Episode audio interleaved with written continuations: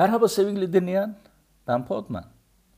Elmas matkap ucu olarak kullanılacak kadar ucuz mu? Yoksa bu elmas başka elmas mı? Önce size elmastan bahsetmeliyim. Çünkü elması tanımadan bu soruya cevap vermek doğru olmaz. Elmaslar kadınların en iyi arkadaşıdır demiş Marilyn Monroe. İyi de neden akik değil, kehribar değil ya da ne bileyim zirkon değil de elmas? Çünkü elmas saf karbondan oluşan dünyadaki en sert obje. Zatı şahanelerini asla çizemezsiniz. Yani sağlam. Aynı zamanda ışığı kırma katsayısı çok yüksek. Dolayısıyla bakanı bir daha baktıracak kadar çok parlar. Yani güzel ve çekici. Bulunması, çıkarılması, işlenmesi çok zor. Yani nadir.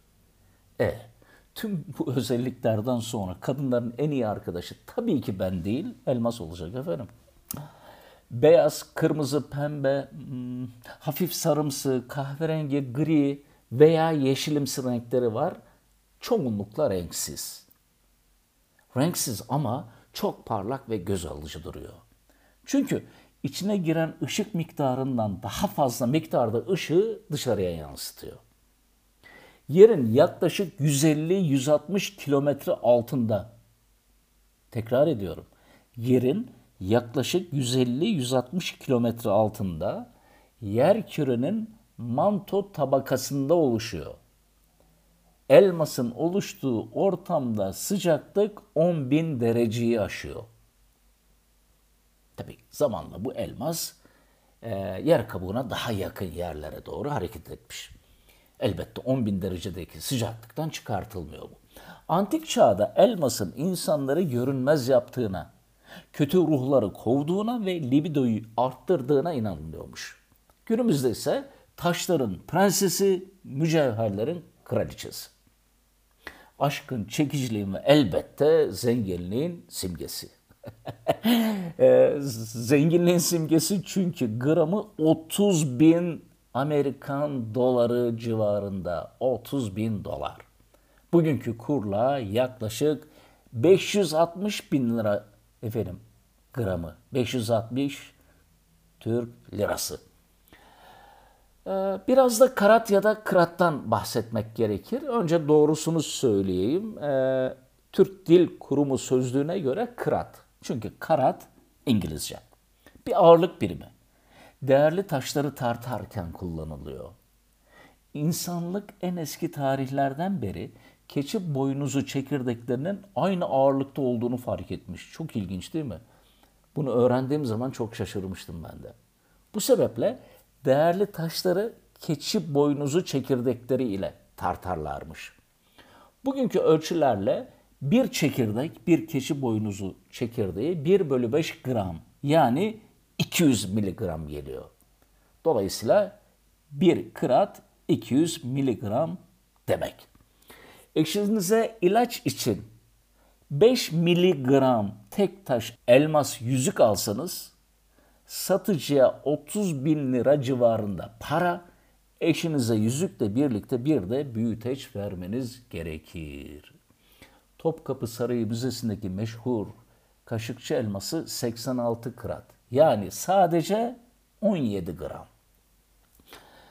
Doğuda bulunan elmasın büyüklüğü çok seyrek olarak 1 santimetrenin üstündeymiş efendim. Çok seyrek olarak 1 santimetrenin üzerinde. Bugüne kadar bulunan en büyük elmas hangisi biliyor musunuz? 621 gram gelen Kulinan elması. Bu elmas çeşitli büyüklüklerde kesilerek İngiltere Kralı 7. Edward'a hediye edilmiş.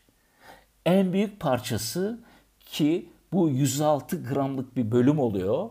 Haçlı hükümdar asasının topuzu olmuş. Siz bu asayı tanıyorsunuz. Siz bu asayı müteveffa majesteleri Kraliçe Elizabeth'in elinde çok gördünüz.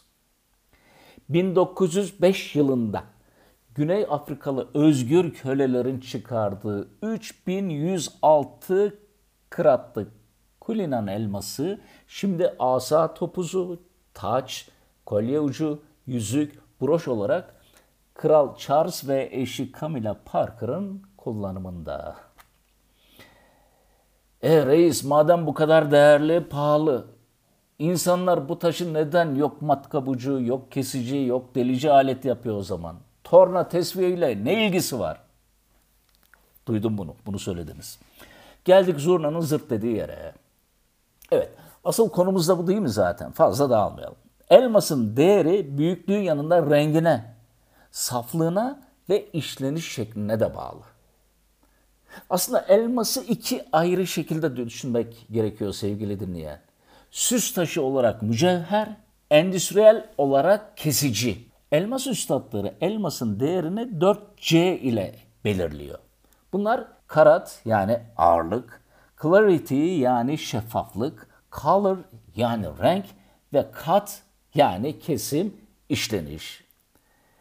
Elmas kumu da denen bulanık elmaslar bu dörtlü filtreden geçemeyen elmaslar arkadaşlar. Sınıfta kalan elmaslar. E sınıfta kalanın yeri neresidir? Bildiniz. Tabii ki sanayi. Karbonado denilen elmaslar kadınlara arkadaşlık yapmak yerine delici ve kesici aletlerde hatta sondaj makinelerinde en sert cisimleri bile delmede kullanmak için doğru sanayiye gidiyor. Karbonado. Futbolcu ismi gibi. Karbonado. Neyse. Ee, ne yani elmas bu kadar bol mu ki? İyiyse narin boyunlara, kötüyse sondaj yapmaya gidiyor. Tabii ki bol değil. O yüzden değerli dedim ya zaten. Zaten insanlıkta boş durmamış sevgili dinleyen. Bir başka karbon olan grafiti yüksek basınç ve sıcaklığa tabi tutarak hop endüstriyel elmasa dönüştürmüş. Yani sanayide, endüstride kullanılan elmasların çoğu laboratuvar ürünü. Bu insan denen canlıdan korkacaksın azizim. Her zaman söylerim. Bu arada laboratuvarda süs elması da üretmiş kurnazlar. Bildiğimiz narin boyunlara takılacak elmas. Ama gerçeğinin yani doğal elmasın 10 katına mal olduğunu görünce hemen dükkanı kapatmışlar. Asırlardır kendi toprakları üzerinde kurulan batılı vahşi kapitalist elmas şirketleri tarafından adeta boğaz tokluğuna çalışan işçilerin yakın zamana kadar buraya dikkat. Yakın zamana kadar her vardiya sonrasında madenden ayrılmadan önce röntgenleri çekilirim. Her gün röntgeni çekilen ve yüksek radyasyona maruz kalan bu çikolata renkli garibanlar orta yaşlarını dahi göremeden hop geçmişlerine kavuşurmuş. Bugün de aslında çok insani koşullarda çalıştıkları iddia edilemez.